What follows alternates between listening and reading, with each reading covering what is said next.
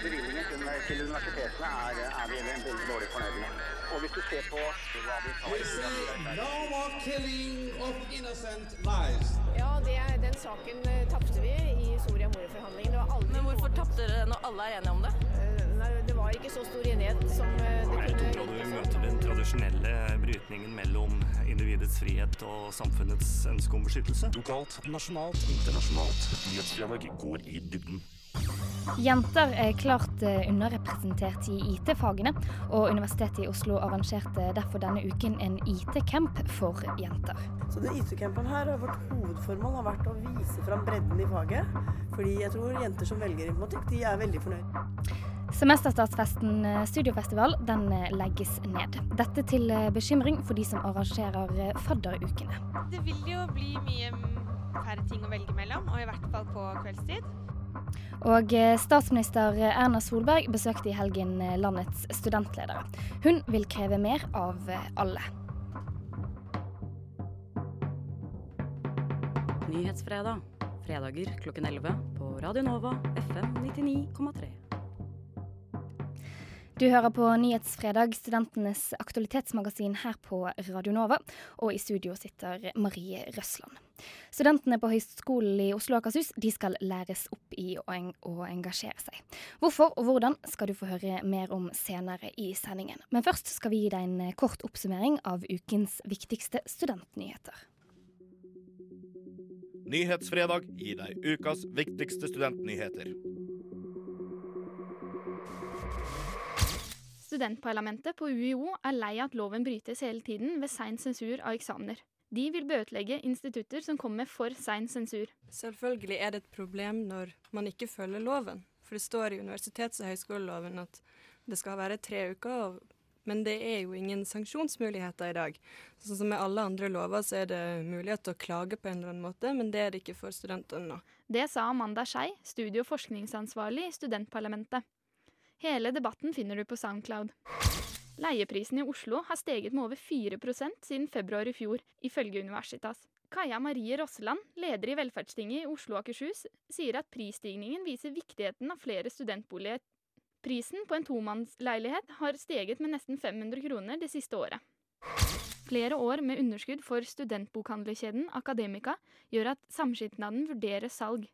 Det skriver krono.no. Akademika har flere år gått i underskudd, og i 2012 måtte studentsamskipnadene i Oslo og Trondheim komme med en redningspakke, hvilket førte til at 25 stillinger ble kuttet. Musikken på SIOs treningssentre er direkte kvinnefiendtlig. Det mener student Runa Kleiberg. Vi møtte Kleiberg, Ottar og Velferdstinget til debatt forrige uke. Eh, og det som er, du er i en situasjon, du kommer inn på senteret, stiller deg på mølla og vil jo gjerne bare trene, ha en god økt. Eh, og så blir du tvunget til å høre på ja, ganske nedverdigende musikk. Sa Runa Kleiberg i emneknaggen 26.2. Hør hele sendingen på Soundcloud. Norsk studentorganisasjon, NSO, fordømmer det russiske angrepet på Ukraina og okkupasjonen av Krimhalvøya. Eh, NSO mener at eh, militær, eh, bruk av militærmakt og okkupasjon av, eh, av andre land er helt uakseptabelt. Eh, Norge er en fredsnasjon, og det mener vi forplikter. Og vi støtter regjeringen i fordømmelsen av, av Russlands opptreden mot Ukraina. Sa Ola Magnussen Rydje, leder av Norsk studentorganisasjon. Andelen midlertidige ansatte er høyere i universitet- og høyskolesektoren enn ellers i arbeidslivet, skriver krono.no.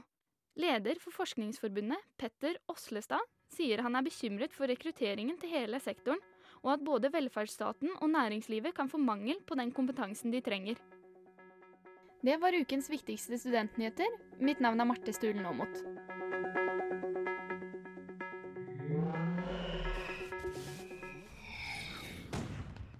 Fra høsten av så vil det ikke lenger eksistere en studiofestival. For studentfestivalen i Oslo, som eh, hvert år arrangeres av Det Norske Studentersamfunn, legges ned. Synd, mener eh, tidligere studiosjef. Smart, mener eh, formann ved Det Norske Studentersamfunn. Hvorfor skal du høre eh, mer om eh, litt, men eh, nå skal vi til jenter og IT. What? Radio Nova. For jenter de trenger et eh, ekstra dytt for å velge seg inn i informatikkens verden. Bare én av fem eh, søkere til IT og informatikk på Universitetet i Oslo i 2012 var kvinner. Denne uken så arrangerte universitetet en IT-camp for jenter som skal søke seg inn i høyere utdanning, i håp om å tiltrekke seg flere jenter til studiene. Og så tar jeg tida på hvor langt og hvor fort. Klar, ferdig, gå. Lyden av robotkappløp følger tredje etasje i bygget for informatikk. Han holdt 13 sekunder, han kom seg til svingen. Neste robot. Onsdag og torsdag denne veka ønsket universitetet 45 jenter velkommen til IT-camp. I fjor var bare én av fem søkere til informatikk kvinne. Professor og nestleder på instituttet, Kristin Brå, under campen har økt interesse for informatikkstudiet. Det var noen som spør hvorfor i all verden skal vi gjøre dette, er det, kan ikke jenter få bestemme selv? Jo, men vi vil gjerne gjøre, vise fram så man kan ta et, et, si, et kompetent valg. da. At man vet hva man ikke velger. Hun voner jentene som skal søke høyere utdanning til høsten, har fått et innblikk i mulighetene som gjemmer seg i informatikkstudiet.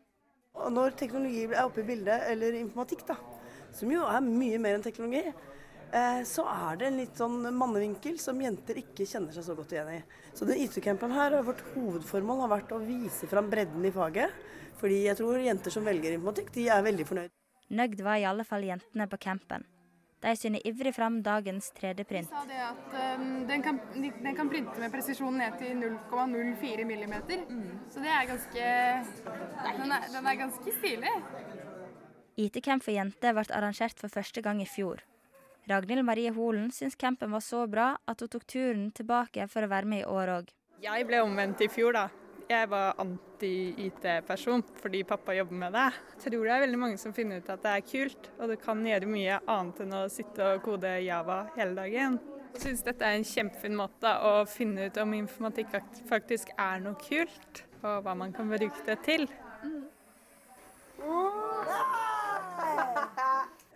Fort gikk det nå? Ti sekunder! Dere leder, da. Er det flere roboter igjen? Mange jenter lar seg skremme av overvekten av menn på fagområdet. Målet med campen er å syne jentene bredde i faget. Informatikk er på en måte et fag som um, blir presentert i mediene som noe veldig smalt. Det man ikke tenker på, er at uh, informatikk blir jo nesten bredere og bredere. Så informatikk er i veldig, veldig mange deler av samfunnslivet og arbeidslivet men veldig usynlig, og veldig fokus på det litt mer nølete og robot og gadgets. Altså Robot er veldig populært, men det er ikke veldig mange jenter som studerer robotikk. Denne her, det ser jeg viktig, for de går til den. Og det er den sensoren som sjekker at batteriet er i orden. Men er den koblet til noe? Nei, nå er den løs. Tenker de å søke informatikk? Det begynner å nærme seg det nå, altså. Det var altså reporter eh, Eirin Nilsen Vikøren som hadde vært eh, med på Jentecamp på Institutt for informatikk ved Universitetet i Oslo. Og eh, Siri Mo Jensen, universitetslektor ved instituttet. Hvorfor arrangeres denne campen? Denne campen er uh, egentlig nesten den eneste, men i hvert fall hovedsatsingen vår når det gjelder å vise frem faget til jenter i videregående skole og øke mulighetene for at de velger Hvis de velger bort informatikk, så gjør de det i hvert fall med kanskje litt mer bakgrunn enn de ellers ville gjort. da. Her hørte vi et robotkappløp, men hva er det egentlig som vises eh, frem her? Vi prøver å vise en del av bredden i eh, faget vårt, i studiene våre, og også si litt om hva du kan bruke dette til ute i arbeidslivet. Og det er vanskelig fordi Informatikk er bredt, som vi hørte her, og i Oslo så har vi kanskje et bredere studium enn mange andre steder. Men hvorfor er det så få jenter, da? Altså én av fem søkere, rundt 25 eh, av studentene er jenter. Hvorfor er det så få jenter? Eh, der har vi jo ikke noe fasit, men vi har vel noen ganske velbegrunnede mistanker. Eh, en viktig årsak, tror jeg, er at Informatikk og IT er ikke et fag som alle møter i skolen. Så det betyr at hva du kommer borti og hvilke bilder du har og hva det dreier seg om, det er litt tilfeldig. Hvis du har øh, venner som er opptatt av spill og plukker fra hverandre maskiner, så kan du kanskje komme inn i et miljø hvor du får øh, noen føling med det. Men ellers så ja, er man egentlig overlatt til hva som kommer frem i medier og hva du ser i filmer. Mm. Er det sånn tradisjonelt et sånn guttefag? Eh, ja, det er et guttefag i den forstand at det har alltid vært flest eh, gutter på studiet. Eh, og den typiske hobby-IT-nerden som man kanskje ser og hører mest om, er jo veldig ofte gutt. Eh, på studiet så tror jeg at hvis du spør jenter, så vil ikke de mene at det er et guttefag. Men statistikken viser jo at det har gått litt opp med kvinneandelen, eller går litt i bølger. Når var det den begynte å gå opp? Det vi har sett da når vi ser eh, lang tid tilbake, altså helt tilbake til 80-tallet, det er at eh, det kanskje tydeligste oppgangen den hadde vi etter den siste store satsingen vår på jenter. Eh, og det vi tror er jo at det å vise frem faget og vise frem bredden og på en måte åpne det for flere, da det hjelper på jenteandel. Så det er når dere virkelig må aktivt ut for å rekruttere jenter, eh, egentlig at dere får jenter? Ja, det, det opplever vi eh, er sånn. Det kommer ikke av seg selv. Men hvorfor skal man gjøre dette? da? Kan ikke bare jentene gjøre de tradisjonelle jentetingene, og guttene få styre med roboter? Det kan de selvfølgelig. Eh, Det vi syns er synd, da, det er hvis eh, man gjør disse valgene liksom jeg var inne på i sted, ut fra manglende kjennskap, eller ut fra litt begrenset idé om hva dette dreier seg om. Både som studium og i forhold til yrkesvalg seinere. Og det er vel den mistanken vi har, da. Hvorfor er det så viktig da, at eh, man får eh, flere jenter inn? Nei, vi, For oss er det jo viktig å få flere studenter, og få mer motiverte studenter og enda flinkere studenter. Og da ser vi jo at det største potensialet det har vi kanskje blant jentene. Eh, og så tenker jeg at vi har også et samfunnsansvar. Vi skal gi en del unge en god utdanning og jobbmuligheter, og vi skal sørge for at samfunnet har kompetente mennesker med tung IT-kompetanse. Og det blir viktigere og viktigere i alle sektorer av samfunnet i dag. Og det betyr at hvis vi har et studium hvor vi ikke får inn de eh, ungdommene som kan og vil studere informatikk, og heller ikke leverer til arbeidslivet de studentene de trenger, så har vi på en måte ikke gjort jobben vår, da. Eh, og da er jenter én viktig gruppe som vi kanskje må jobbe aktivt med å få inn. Hva er målet, da? Eh, vi har et strategisk mål på 30 eh, på instituttet. Eh, og om det burde vært 40 eller 50 eller for den saks skyld 60, det, det er vel litt usikkert. Men foreløpig så er det i hvert fall viktig at vi øker det. Du nevner, jente, Jentecampen som hovedsatsingen. Hvor mye midler er det som brukes på tiltrekke jenter? Det er jeg faktisk ikke helt sikker på. Eh, Det budsjettet er det ikke jeg som sitter på. Men eh, det som er helt sikkert, er at den IT-campen er et kjempeløft for instituttet arbeidsmessig. Det er veldig mange mennesker involvert. Og det som er morsomt å se, nå som vi nettopp har avsluttet en ny IT-camp, det er jo det løftet det gir. Det er en utrolig bra stemning på huset under og etter disse dagene, fordi at vi ser at de jentene som kommer, de er så entusiastiske.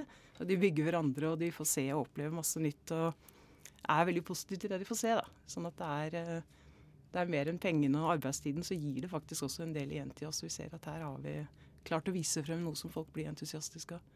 Hvordan eh, nå, eh, nå er det gjennomført, det. Det er søknadsfrist i april. Hvor, hvor mange jenter håper du å se på instituttet fra høsten? Eh, nei, ja Mange. Mange flinke og mange engasjerte. Eh, vi ser vel at en del av de som var på IT-camp i fjor, de eh, er studenter i år. Og de har også møtt de nye IT-camp-deltakerne i år. Eh, vi ser også at det er noen som eh, er venner av eller klassekamerater av jenter som var der. Så vi håper jo at dette får en stor effekt. Og kanskje også det at eh, det blir synliggjort i aviser osv. har bred, et litt bredere nedslagsfelt enn akkurat de som er der, da. Takk til deg, eh, Siri Mo Jensen, universitetslektor eh, ved Institutt for eh, informatikk. Radio Nova. FM 99,3.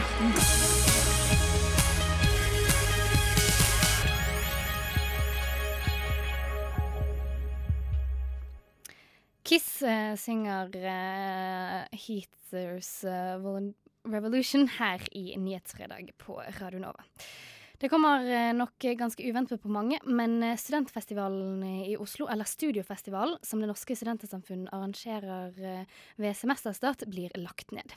For lite interesse for å drive festivalen var en av årsakene. Tidligere leder av studio Nikolai Solheim og leder av fadderordningen ved UiO, Thea Ullehaug, er kritisk til at festivalen forsvinner. Det er helt riktig. Vi sitter her på Fredrikkeplassen på Blindern. Det er Studiofestivalen og Radionova. Vi har vårt eget lille hyggelige telt her på plassen. Eh, Studiofestivalen er Oslo-studentenes høydepunkt gjennom året. Teltet oppe på Fredrikkeplassen på Blindern har for mange vært selve symbolet på studio, semesterstartsfestivalen i regi av Det Norske Studentersamfunn.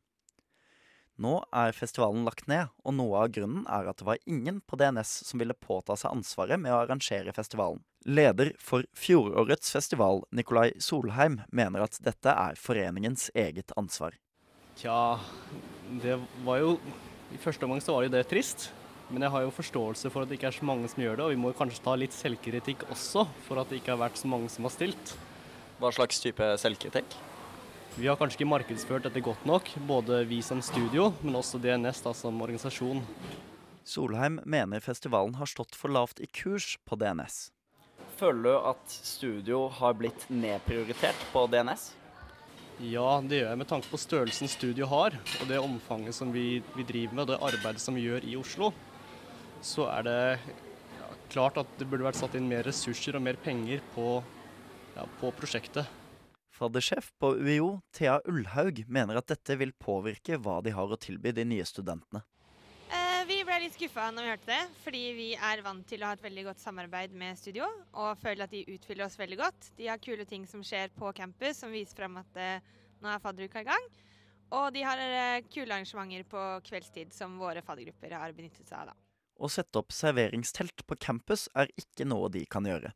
Vi har ikke så mye mandat til å gjøre festligheter, så vi gjør mer eh, alternative alkoholfokusfrie ting på dagtid. Så vi føler at det kommer til å bli savnet da, i fadderukene. Studios bidrag er mer enn øl, mener Ullhaug. Nikolai Solheim er enig. Det er ikke penger i kassa serveringsteltene bidrar med. Men salgsmessig så er det et minusprosjekt i seg selv. Men nå er jo ikke formålet med disse ølteltene å selge mest mulig øl. Det er ikke et øltelt heller, det er et festival- og kulturtelt som skal være et sentralt knutepunkt for nye studenter, hvor de kan møte hverandre istedenfor å være på vorspiel og isolere seg. Begge er enige om at nedleggelse kan gå utover DNS sin synlighet blant studentene. Altså Studio det har jo en stor markedsverdi selv på flere måter. En av de største er jo studio som markedskanal. At vi gjennom studio kan snikinnføre DNS på forskjellige campus på de mest sentrale stedene. Og møte ca. si, Potensielt skal vi møte 45 000 studenter. Og det sier seg selv at det er en enorm masse, og vi trenger kanskje 2% av den massen for å fylle opp DNS på en god dag. Jeg tenker jo at for deres del så er det en kjempearena å få rekruttert. Og få medlemmer og få folk tidlig i semesteret til å komme på huset og se hva som skjer. Så jeg tror nok at de er veldig avhengig av folk der, da. Absolutt. Studio kunne kanskje vært reddet hvis Det Norske Studentersamfunnet hadde gitt festivalen høyere prioritet. Føler du at du fikk eh, god nok støtte og backing da du satt som studiosjef? Jeg skulle gjerne hatt mer, mer backing. Spesielt da fra de ressursene som var på huset. For man blir kastet ut i nye oppgaver som man ikke kjenner så godt. Fadderordningen på UiO følger spent med på situasjonen. Semesterstarten vil ikke bli den samme uten. Det vil jo bli mye færre ting å velge mellom, og i hvert fall på kveldstid. Nå har jeg hørt at de kommer til å kjøre en del fester og sånn på huset der nede, men man får nok ikke den festivalfølelsen og den fellesfølelsen at det skjer noe i hele byen, da. Nå blir det litt mer sånn Blindern campus, og så sniker man seg ned til Majorstua. Reporter her, det var eh, Helge Switters. Og som vi hørte i reportasjen, så er det altså besluttet at det ikke blir eh, studentfestival eh, i Oslo, Studiofestivalen, til høsten. Og eh, Martin Tveten, formann ved Det Norske Studentersamfunn. Hva er egentlig årsaken til dette? Eh, hovedgrunnen er at vi mener de tilsvarende markedsføringsmidlene som har blitt brukt på studentfestivalen i Oslo tidligere, eh, er, blir bedre brukt hvis vi kan bruke de samme midlene på å markedsføre Det Norske Studentersamfunn istedenfor, som er den merkevaren studentene kommer til å se hele resten av året, istedenfor eh, denne festivalen da, i to uker, og så er det på en måte stopp. Men eh, er manglende rekruttering til å skulle drive denne festivalen også en, årsaken, en av årsakene til dette? Det er et ekstra spark eh, bak for å få gjort noe med det, men jeg tror det hadde vært et smart valg helt uavhengig av det. Det kan godt hende at vi hadde gjort det til tross for at vi hadde hatt et helt komplett studiestyre på plass. da. Men du sier det skal brukes på å markedsføre DNS istedenfor. Og hvordan skal DNS markedsføres da, under studiestarten? Planen nå er å opprette en prosjektgruppe utenfor Chateauneuf DNS, som blir en slags samarbeidsallianse mellom, mellom foreninger på Blindern, høyskolen, egentlig ved alle SIO-tilknytta institusjoner, som kan uh, gå sammen om felles uh, markedsføring, koordinering rundt studiestart, sånn at ikke det blir liksom de største krasjene. Og jeg tror det vil gjøre foreningslivet langt mer gjennomsiktig da, for de nye studentene også. Så det her er også en slags sånn opprydningsaksjon. Eh, blir det lett å få foreningene til å jobbe sammen? Det har vært litt uh, problemer med tidligere. Ja, nei, jeg håper det, skal, håper det, skal, gå fint. Folk har jo vært med i under studioparaplyen tidligere også. Det er bare at da har jo studio tilhørt DNS ikke sant, som et utvalg. Mens nå blir det et slags prosjekt utenfor uh, Chateauneuf og Det Norske Studentersamfunn. Vil man fortsatt se den samme aktiviteten f.eks. på Blindern og på høyskolen uh, ved, det, ved semesterstart? Det tror jeg uten tvil. Sånn, hovedendringen her er at vi fjerner studio som et navn fra studiestarten. Vi prøver, Tanken er heller å flytte studio eh, til et annet tidspunkt, som kanskje på sitt kan bli noe mer à la uka i Trondheim og Bergen. Og så kommer vi til å opprettholde all, all den samme aktiviteten under studiestart nå til høst. Vi kommer nok til å fjerne teltet på Hiva, fordi det har det vist seg at det er veldig få som bruker. Og vi kommer til å kutte ned litt på tida på teltet på Blindern. Men til gjengjeld kanskje vi kommer til å opprette et telt utafor Nøff, à la det som finnes under Oktoberfest isteden. Som da fadderordningene kan benytte seg av til sitt uh, istedenfor. Tidligere studiosjef uh, sier at uh, dette ikke har vært et plussprosjekt fra før av. Vil den nye semesterstartsordningen bli et uh, plussprosjekt? Ja. Det er jeg ganske overbevist om. Vi kjører ganske hard økonomistyring på den, og vi planlegger det. Vi er på en måte først og fremst på planleggingsstadiet økonomisk nå, da. Så vi jobber veldig med å få dette her til å gå i null, eller, høy, eller absolutt helst eh, langt mer enn i null. Men når det ikke rekrutteres noen til et studiostyre, hvordan skal du da få folk til å sette seg ned i dette utvalget som skal jobbe med, med semesterstartpromoteringen av DNS? Eh, det prosjektet her er som sagt utenfor huset, ikke sant? mens studiestyret tidligere har vært innenfor. Så tidligere så har man da måttet rekruttere folk utenfra til å sette, komme seg inn på DNS og da bli med dette styret innenfor husets fire vegger. Mens nå er dette her et helt sånn uh, et løst prosjekt utenfor, da. Sånn at man får Jeg tror man får langt mer eierskap til det direkte gjennom det. Uh, I tillegg så tror jeg ikke det vil kreve så mye mer ressurser enn det man ville ha gjort under studiestart tidligere. Det er først og fremst sånn felles markedsføring og koordinering av de aktivitetene som allerede er. Så det er ikke så veldig mye merarbeid. Det er på en måte bare masse positive synergieffekter på tvers av dette foreningssamarbeidet. Og så da skal altså det i tillegg til å være en uh, semesterstartsfestival for å promotere DNS, også være noe som minner om uka på vårparten. Hvordan skal det kunne arrangeres?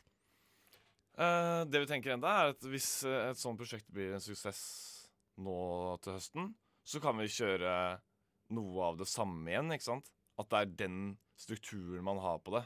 Hvis vi skal kjøre det på nytt igjen på våren.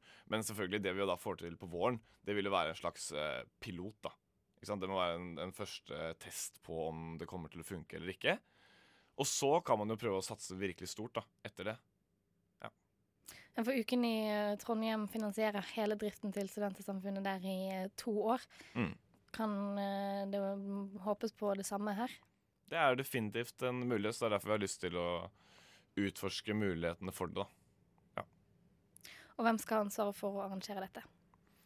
Det vet vi ikke ennå. Takk til deg, Martin Tveten, formann ved Det Norske Studentersamfunn. Snøhvit hadde tolv dverger. Nei, det hadde faktisk ikke. Hun hadde ikke det. Det var syv dverger. Frokost. Programmet du våkner til alle hverdager fra syv til ni.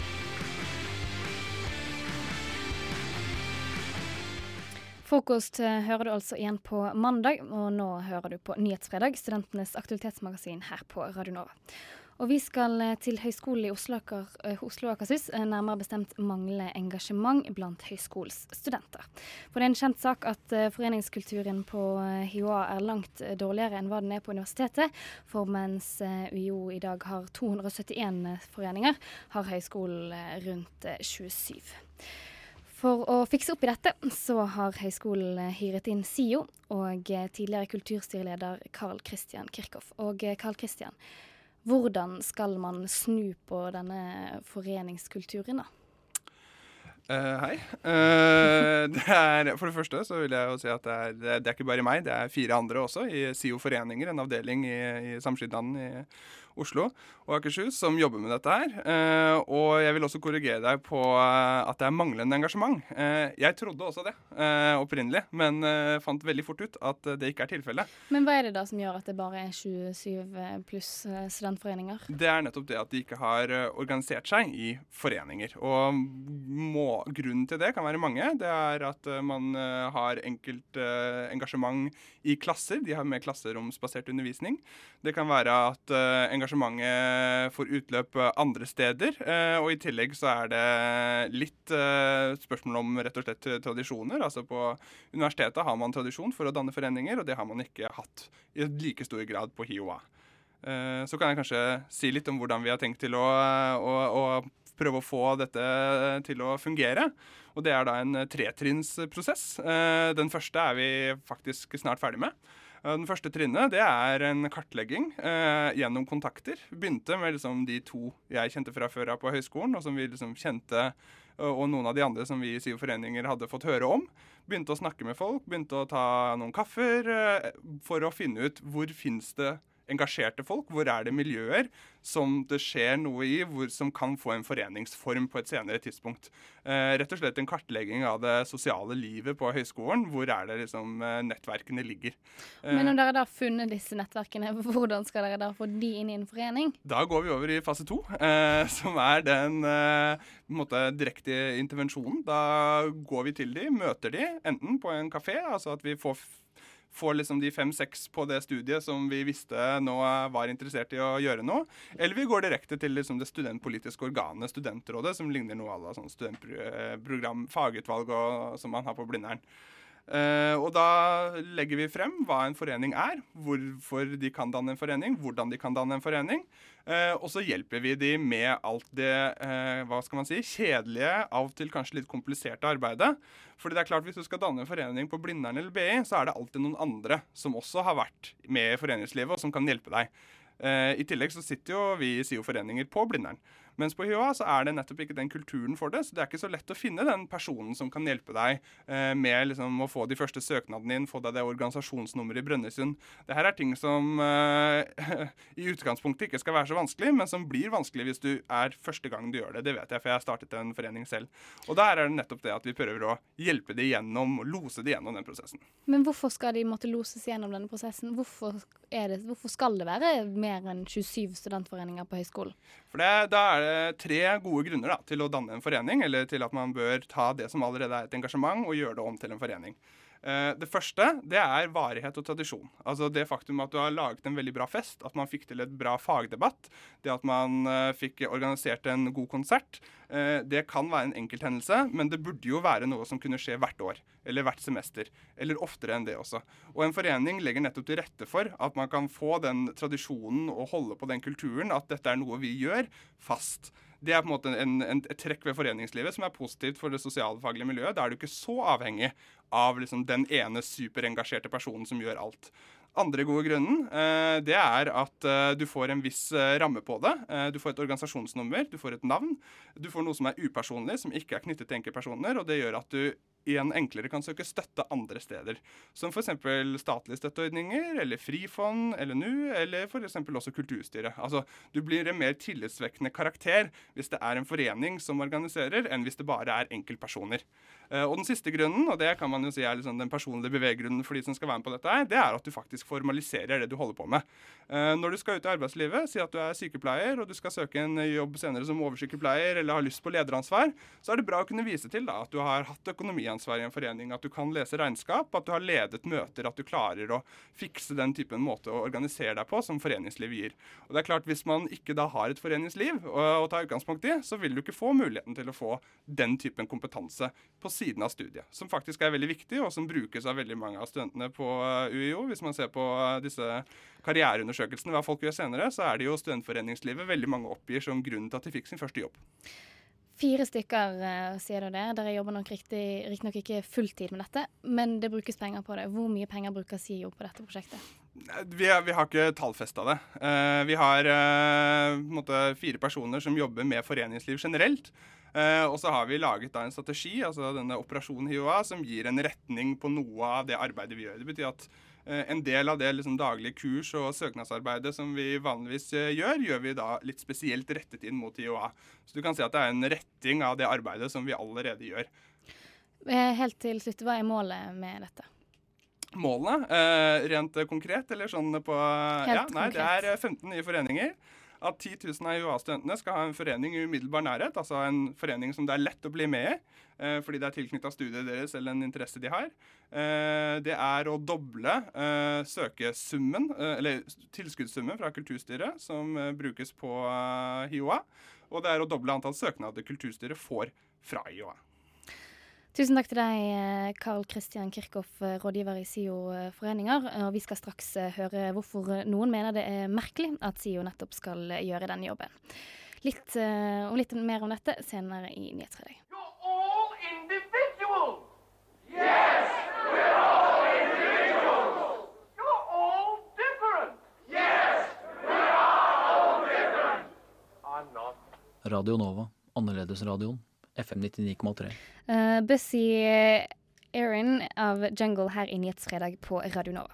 Og som vi nettopp hørte, så har SIO og Høgskolen i Oslo og Akershus inngått en avtale hvor eh, SIO skal eh, få flere studenter eh, engasjert i studentforeninger. Og Are Sandvik, redaksjonsleder i Universitas, du har vært litt skeptisk til at SIO skal lære studentene å engasjere seg. Og hva er det du er skeptisk til? Um, aller først må jeg få si at jeg syns det er veldig fint at um, de vil gjøre noe med engasjementet. Eh, vi har jo etterspurt studentengasjement i mange kommentarer i Universitas tidligere. Så det var veldig feil for oss å liksom gå ut og drepe et forsøk på å skape noe liv. Um, så vet jeg også at HiOA har eh, enormt engasjement på en annen plattform enn det universitetet har. Um, de har bl.a. en av Oslos største quizer. Eh, de har masse vellykka fester. Um, men når det kommer til måte, det foreningslivet ved siden av som på en måte skal engasjere utover fag, eh, så syns jeg det høres veldig merkelig ut at de trenger en, på en, en innpisker for en sånn type engasjement. Da. Men er det ikke rettferdig da at uh, man skal få litt hjelp, da, når du hører som Karl Kristian uh, sier at uh, det er kanskje ikke mangel på engasjement, men litt mangel på å vite hvordan man skal organisere seg, som er problemet? Altså, jeg er skeptisk til å tro at, um, at hvis du lærer å sende et skjema, så går du inn for å redde verden, på en måte. Altså, det er ikke så vanskelig å sende inn et skjema eh, og, og på en måte opprette en forening. Um, så er det her et prosjekt som skal gå over et år. Så tviler jeg på at på en måte, da kommer det til å oppstå 100 nye foreninger på HiOA som på en måte skal redde verden og, og sånn. Men, men samtidig selvfølgelig så er jeg veldig for at at det gjøres noe med engasjementet. Jeg syns bare det høres så veldig på en måte apatisk ut at studentene trenger en sånn foreningsbarnevakt. da. Foreningsbarnevakt, altså. Og Eline Støland, studentparlamentsleder ved Høgskole, du er kanskje ikke den som representerer de uengasjerte studentene, eh, men du skal likevel forsvare for dem. For du er positiv til eh, at eh, dette prosjektet nå gjennomføres. Ja, definitivt. Eh, Det er, som Karl Kristian nevnte i stad, veldig mange engasjerte studenter på HiOA.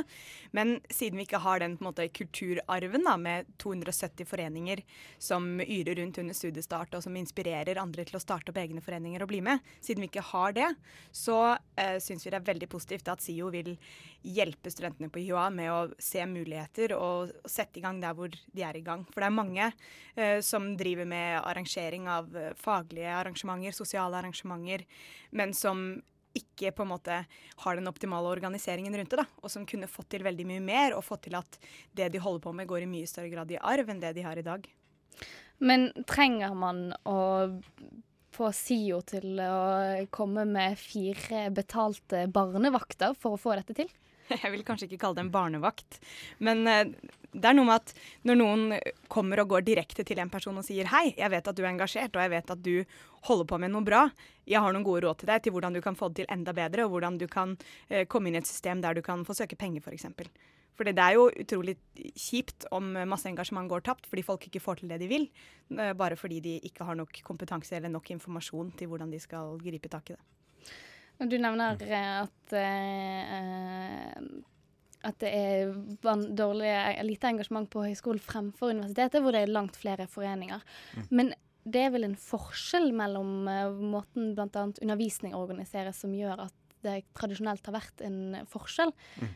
Uh, hvorfor altså, bør det være like stort uh, mangfold av foreninger på høyskolen som det er på universitetet? Jeg er ikke sikker på om det spørsmålet bør gå til meg, men ehm, jeg tenker jo at hvis man brenner for noe nok, så er ikke det å søke på et papir et hinder.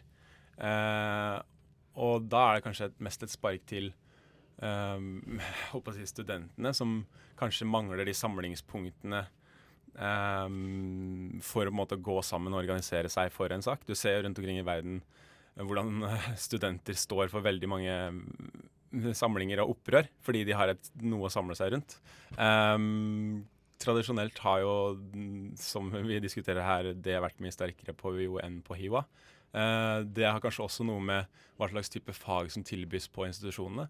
Uh, hvis du begynner f.eks. på lærerutdanningen på HiWA, så har du lyst til å gjøre en forskjell kanskje i klasserommet. Uh, og går inn for å bli en så god som mulig lærer. Men hvis du f.eks. studerer internasjonale studier eller utviklingsstudier ved UiO, så har du kanskje lyst til å melde deg inn i Amnesty eller også bidra på en måte utover pensumbøkene eh, på en annen måte. Er det Så- mer relevant med studentforeninger på UiO enn det på UiA? Det er ikke godt å si. Jeg vet at det er ganske mange likhetstrekk. Det å være student og det å være sammen og eh, skape noe sammen, uavhengig hvilken fagretning man gjør det innenfor. Så jeg, tror at potensialet er stort på HiA også. Men det er som eh, det blir sagt at hvis man studerer et fag der eh, man på en måte ikke har en klasse som arrangerer noe sammen, men der på en måte er interessefeltet mer som samler enn undervisningen og fagene, så er det kanskje større på en måte, At det er lettere, da. Eller at det er mer, i hvert fall mer tradisjon for det. Er, er du skeptisk til at SIO skal bruke penger på dette? Um, når jeg fikk høre om det først, så var jeg veldig skeptisk. Så tenkte jeg at nå har det gått for langt. på en måte. Altså, Vi har jo hele tida ettersøkt eh, et studentengasjement, og vi skal jo på en måte være litt sånn Vi skal jo skrive for studenter eh, av studenter, men eh, vi må jo også få lov til å piske opp eh, våre egne litt og si at eh, nå må dere ta dere sammen og, og skape noe sjæl, på en måte. Um, så jeg syns det er nesten litt sånn uh, ja, jeg syns det er litt stusslig at vi trenger på en måte folk som skal Du er sikkert engasjert, har du lyst til å starte et eller annet? I stedet for å på en måte kjenne på oss sjøl hva vi bryr oss om, og så skape det sjøl. Men eh, av pengene som gikk fra Kulturstyret til foreninger i fjor, Mm. så gikk eh, 190 000 til eh, HiOA, mens eh, 2,8 millioner gikk til UiO. Er det ikke da rettferdig at SIO bruker litt grann mer penger gjennom dette prosjektet på nettopp høyskolestudentene? Mm. Nå var vel den totale potten på 2,8 millioner, hvis jeg husker riktig, så det var vel litt mindre som gikk til UiO, men det var jo en stor del av potten. Ehm, det er urettferdig. Eh, UiO er en større institusjon enn ehm, enn HiOA, så at vi får mer er ikke så rart, og spesielt med tanke på altså, foreningskulturen. Um, nå er foreninger en, en Jeg vil si at foreninger er en større del av et universitet enn av en høyskole.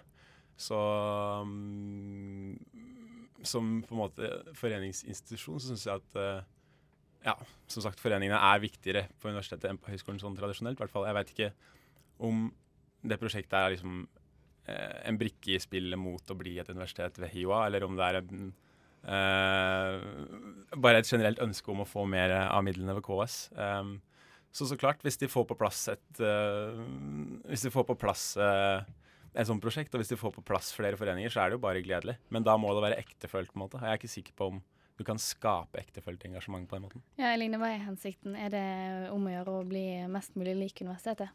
Nei, det er det absolutt ikke, og det handler heller ikke om penger. Selv om eh, HiOA-studentene betaler jo mye i semesteravgift, og vi er 17 500 studenter og dere er 27 000 studenter, så det er, ikke, det er ikke så store forskjeller egentlig, da. Men det det handler om, er jo å skape mest mulig god studenthverdag for studentene. Og engasjerte studentforeninger gjør det. Og jeg er overbevist om at engasjementet er ektefølt, for dette handler bare om rammene og ikke selve engasjementet. Engasjementet ligger i hver enkelt student fra før av. Til slutt, uh, Are, så skal du få si du er skeptisk til dette. Hva er en, en bedre løsning da, um, på å få mer engasjement, som du etterlyser? Mm, det er et veldig godt spørsmål. Uh, det er millionkronerspørsmålet. Um, man kan jo drive med, med, seminarer ved siden av undervisningen. Man kan uh, invitere opp uh, organisasjoner som har veldig god greie på, på, ting. Man kan ha Amnesty International, Røde Kors opp på høyskolen, uh, fortelle om hva de jobber med. Så er jeg helt sikker på at, at engasjementet vil komme av seg selv, på en måte, når du ser hva som foregår rundt omkring. Fordi det er jo kanskje det som skaper det engasjementet på universitetet, er at veldig mange lærer om sånne ting, mens kanskje en um, kanskje det ikke undervises så mye i de tingene på høyskolen. Uh, hva som blir resultatet av dette ett år lange prosjektet, det vil tiden vise. Men uh, takk til dere, Are Sandvik, redaksjonsleder i Universitas, og Eline Støland, studentparlamentsleder ved Høgskolen i Oslo og Akershus. Radio Nova, FM 99,3 og radionova.no. Naomi Pilgrim med 'Rainmakers' her på Radio Nova.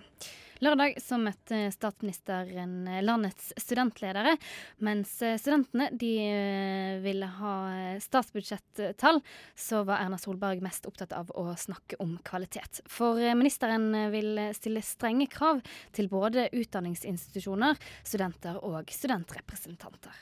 Da har vi ingen her. Hyggelig. Og så har vi Tuva som er i Narvik i dag. Uh... Ja ja, vi dame, altså. Det var ikke bare kjønnsfordelingen i Norsk studentorganisasjon statsministeren eh, var opptatt av da hun møtte landets eh, studentledere lørdag.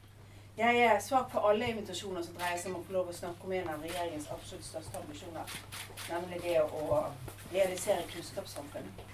For det var nettopp kunnskapssamfunnet og kvalitet statsministeren ville prate om. Norsk studentorganisasjon markerer seg i samfunnsdebatten. Jeg syns det er viktig at dere eh, markerer dere i det der vi oftest hører dere om. Studentboliger og studiefinansiering. Men jeg har lyst til å si at dere har en viktig stemme også i alt som dreier seg om studiekvalitet, forskningsutvikling og utvikling av institusjonene. Selv om de fleste av eh, de oppmøtte studentene ville høre statsbudsjettall, var det kvalitetsministeren eh, snakket mest om. Så er det jo sånn at det kommer til å bli tøffere debatt rundt denne sektoren i årene som kommer. Når vi skal ta grep for å sikre at kvaliteten både på den undervisningen dere får, på den forskningen som gis, faktisk setter seg i fokus. Og eh, denne debatten kom for alvor i gang da NOKUTs eh, studiebarometer ble lansert for noen uker siden. For noen uker siden så la NOKUT frem eh, det første studiebarometeret. Det er et interessant innspill i kvalitetsdebatten. Hva er det som bekymret deg mest med studiebarometeret? Nei, altså, det er jo at, vi, at Hvis det er riktig, så har vi ikke fått de resultatene av kvalitetsreformen i høyere utdanning som vi gjennomførte for mer enn ti år siden. Med dette mener ministeren prinsippet om heltidsstudenten. For eh, når tall fra den eh, nasjonale undersøkelsen viser at en jevne student bare bruker 27 timer i uken på studiene, så har man ikke realisert prinsippet som var hovedhensikten med kvalitetsreformen. En eh, reform NSO-leder Ola Magnussen Rydje har omtalt som en fiasko. Hva tenker du om det? Altså jeg mener jo at Utfordringen var jo at etter noen år etter den, så, så ble det også en, eh, et kutt i basisbevilgningene på universitets- og høyskolesektoren. Det bidro jo til at det som var en fullfinansiert reform, ikke lenger var en fullfinansiert reform. Og så er det nok eh, fortsatt mye snakk om institusjonenes eget fokus på det å være utdanningssted. Det er ikke bare penger, det er også hva som gir status, og hva som gir godt fokus. For eh, Solberg vil også stille høyere krav til institusjonenes krav. Jeg tror det ikke betyr at eh, norske studenter nødvendigvis er late. Det handler om at norske institusjoner må stille høyere krav til studentene. Etter ministerens eh, kvalitetskravtale var studentlederne skuffet over mangelen på konkrete tall. Eh, nei, jeg syns det var litt kjedelig og masse selvfølgelighet- føl- selvfølgeligheter. Vi prater masse om hvordan kunnskapssamfunnet skal realiseres, men eh, veldig lite konkrete tiltak på det. Nei, jeg skulle jo ønske at hun sa et eh, konkret antall studentboliger, f.eks. Eh, og skulle jo også ønske at hun sa elleve måneders studiestøtte, men som sagt så er det jo ikke forventa at hun skulle gjøre det. Det er veldig positivt at hun tar studentene på alvor, eh, men eh, vi skulle gjerne ønske at det var litt mer konkret, spesielt rundt både studiestøtte og studentboliger. Såpass konkret var likevel ministeren. Altså Vår prioritering fra Høyres side har vært studentboliger. Eh, Det har vært helt klart og tydelig i det programmet vi har. Vi har jo ikke lovet 11 måneders studiestøtte. Eh, Det syns jeg er eh, utrolig stas. NSO-leder eh, Ola Magnussen Rydje var uansett fornøyd med en hendelse han omtalte som historisk. Jeg syns det sier mye om regjeringens ambisjoner for utdanning og statsministerens personlige ambisjoner for utdanning at hun også møter norske studentledere på en lørdag en uke før regjeringen setter seg ned og skal forhandle om statsbudsjettet for 2015. Til tross for manglende tall fra statsministeren tok studentlederen en litt annen eh, tone enn den han hadde etter budsjettyveriet i høst. Emneknaggen. Vi mener jo at eh, kuttingen da, eller fjerningen av 11 måneders studiestøtte i budsjettet nå til Høyre-Frp-regjeringen står i skarp kontrast til målene de har om å realisere kunnskapssamfunnet. Og det mener vi at er, eh, er veldig dårlig. For eh, skarp kontrast var det også da Vi har en liten eh, gave med deg til, eller gave til deg til slutt. Eh, Vi håper jo på, og har jo lenge drømt om, at vi skal få noen, noen studenthelter. Og i den forbindelse får du da ikke det som ser ut som et dårlig innramma kjærlighetsbrev, men det er det også. plakat av deg som NSO søker studenthelter, eh, med da deg som studenthelt i midten, hvis du ønsker å bli det for oss. Den skal du få med deg eh, fra oss. Og ja, kanskje en applaus Hva skal Erna Solberg gjøre for at eh, hun skal faktisk være en studenthelt?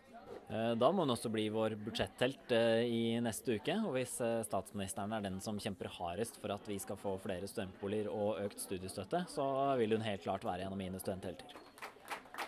Og så får dere ha lykke til, da. Og så engasjer dere i studiekvalitet òg, sant?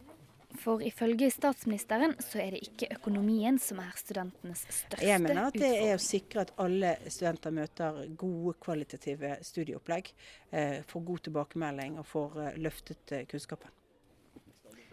Mer om hva statsministeren skal kreve, kan du lese om på våre nettsider radionova.no. Radio Nova.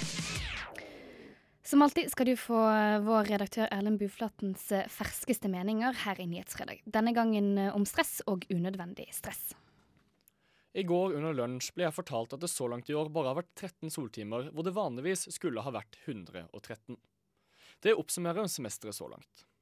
Det går treigt om dagen, og det føles som det er en evighet til man vil kjenne naturlig varme på kroppen igjen. Det er ikke en så veldig annerledes følelse enn den man går rundt med når man tenker på utdannelse, jobb og ferie. Man kan skimte sola bak de tunge, grå skyene, men man vet at den er så fremmed. Det er en evighet til den siste oppgaven skal leveres, og derfor gidder man heller ikke stresse med det nå. Det man derimot stresser over, er sommerferien. Det er jo bare noen måneder unna, og billigbillettene til Lisboa fyker unna. Når skal man dra, og i så fall med hvem? Og man er ikke bare der med at man lurer på om man skal dra. Det skal også lages en oversikt over hva man ønsker å få med seg mellom alle de to for-én-drinkstedene man skal innom. Du klarer ikke helt bestemme deg for hva du skal gjøre, og du vet også med deg selv at prioriteringene ikke akkurat er der de burde være. Men når sommeren først kommer, takker du deg selv for å ha vært så føre var på alt sammen. Så er vi tilbake på lesesalen eller kontorpulten. Man lurer på om man skal være så heldig å få seg et lite glimt av opphold, så man kan ta av seg den sjeldne røyken uten jakke på. Men det blir med ønske, og man tvinges tilbake på side 64 og den beretningen om russiske borgere under den kalde krigen. Men så hører du at bestekameraten din har fått seg sommerjobb. Studierelevant attpåtil. Det hadde du aldri trodd. Han var jo en av de som egentlig ikke brydde seg noe særlig. Absolutt ikke en karrierejeger. Man må jo ut og kikke nå om man ønsker seg noe i sommer og utover, sier han. Men herregud, sier du. Det er jo mange uker til sommeren. Du begynner å stresse. Faen, hva gjør jeg nå? Så begynner du å tenke på nettverket ditt, og angrer umiddelbart på at du aldri har sagt hei til alle de menneskene du har møtt på seminarer og fester. Du sjekker finn.no, men det gir deg ingenting. Og utdanningen din gjør ikke akkurat at du blir oppringt av potensielle arbeidsgivere. Det løser seg nok når den tid kommer, konkluderer du. Og det gjør jo som regel også det. Du ramler inn på en gammel nabo som for tiden er konsulent i et selskap som ansetter. Han har ikke glemt at du hjalp foreldrene hans med å klippe plenen da de var på Lanzarote, og tilbyr deg en jobb.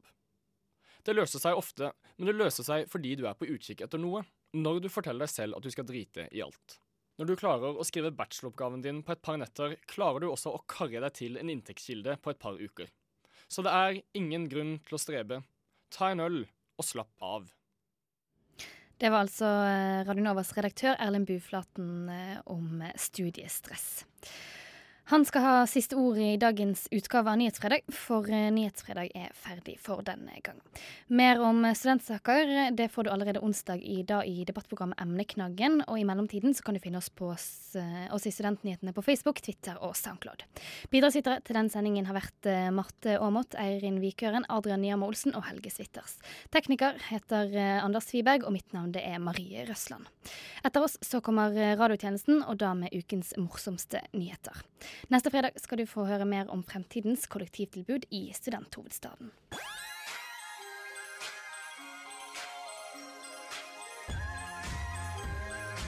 Radio Nova FM 99,3 og radionova.no.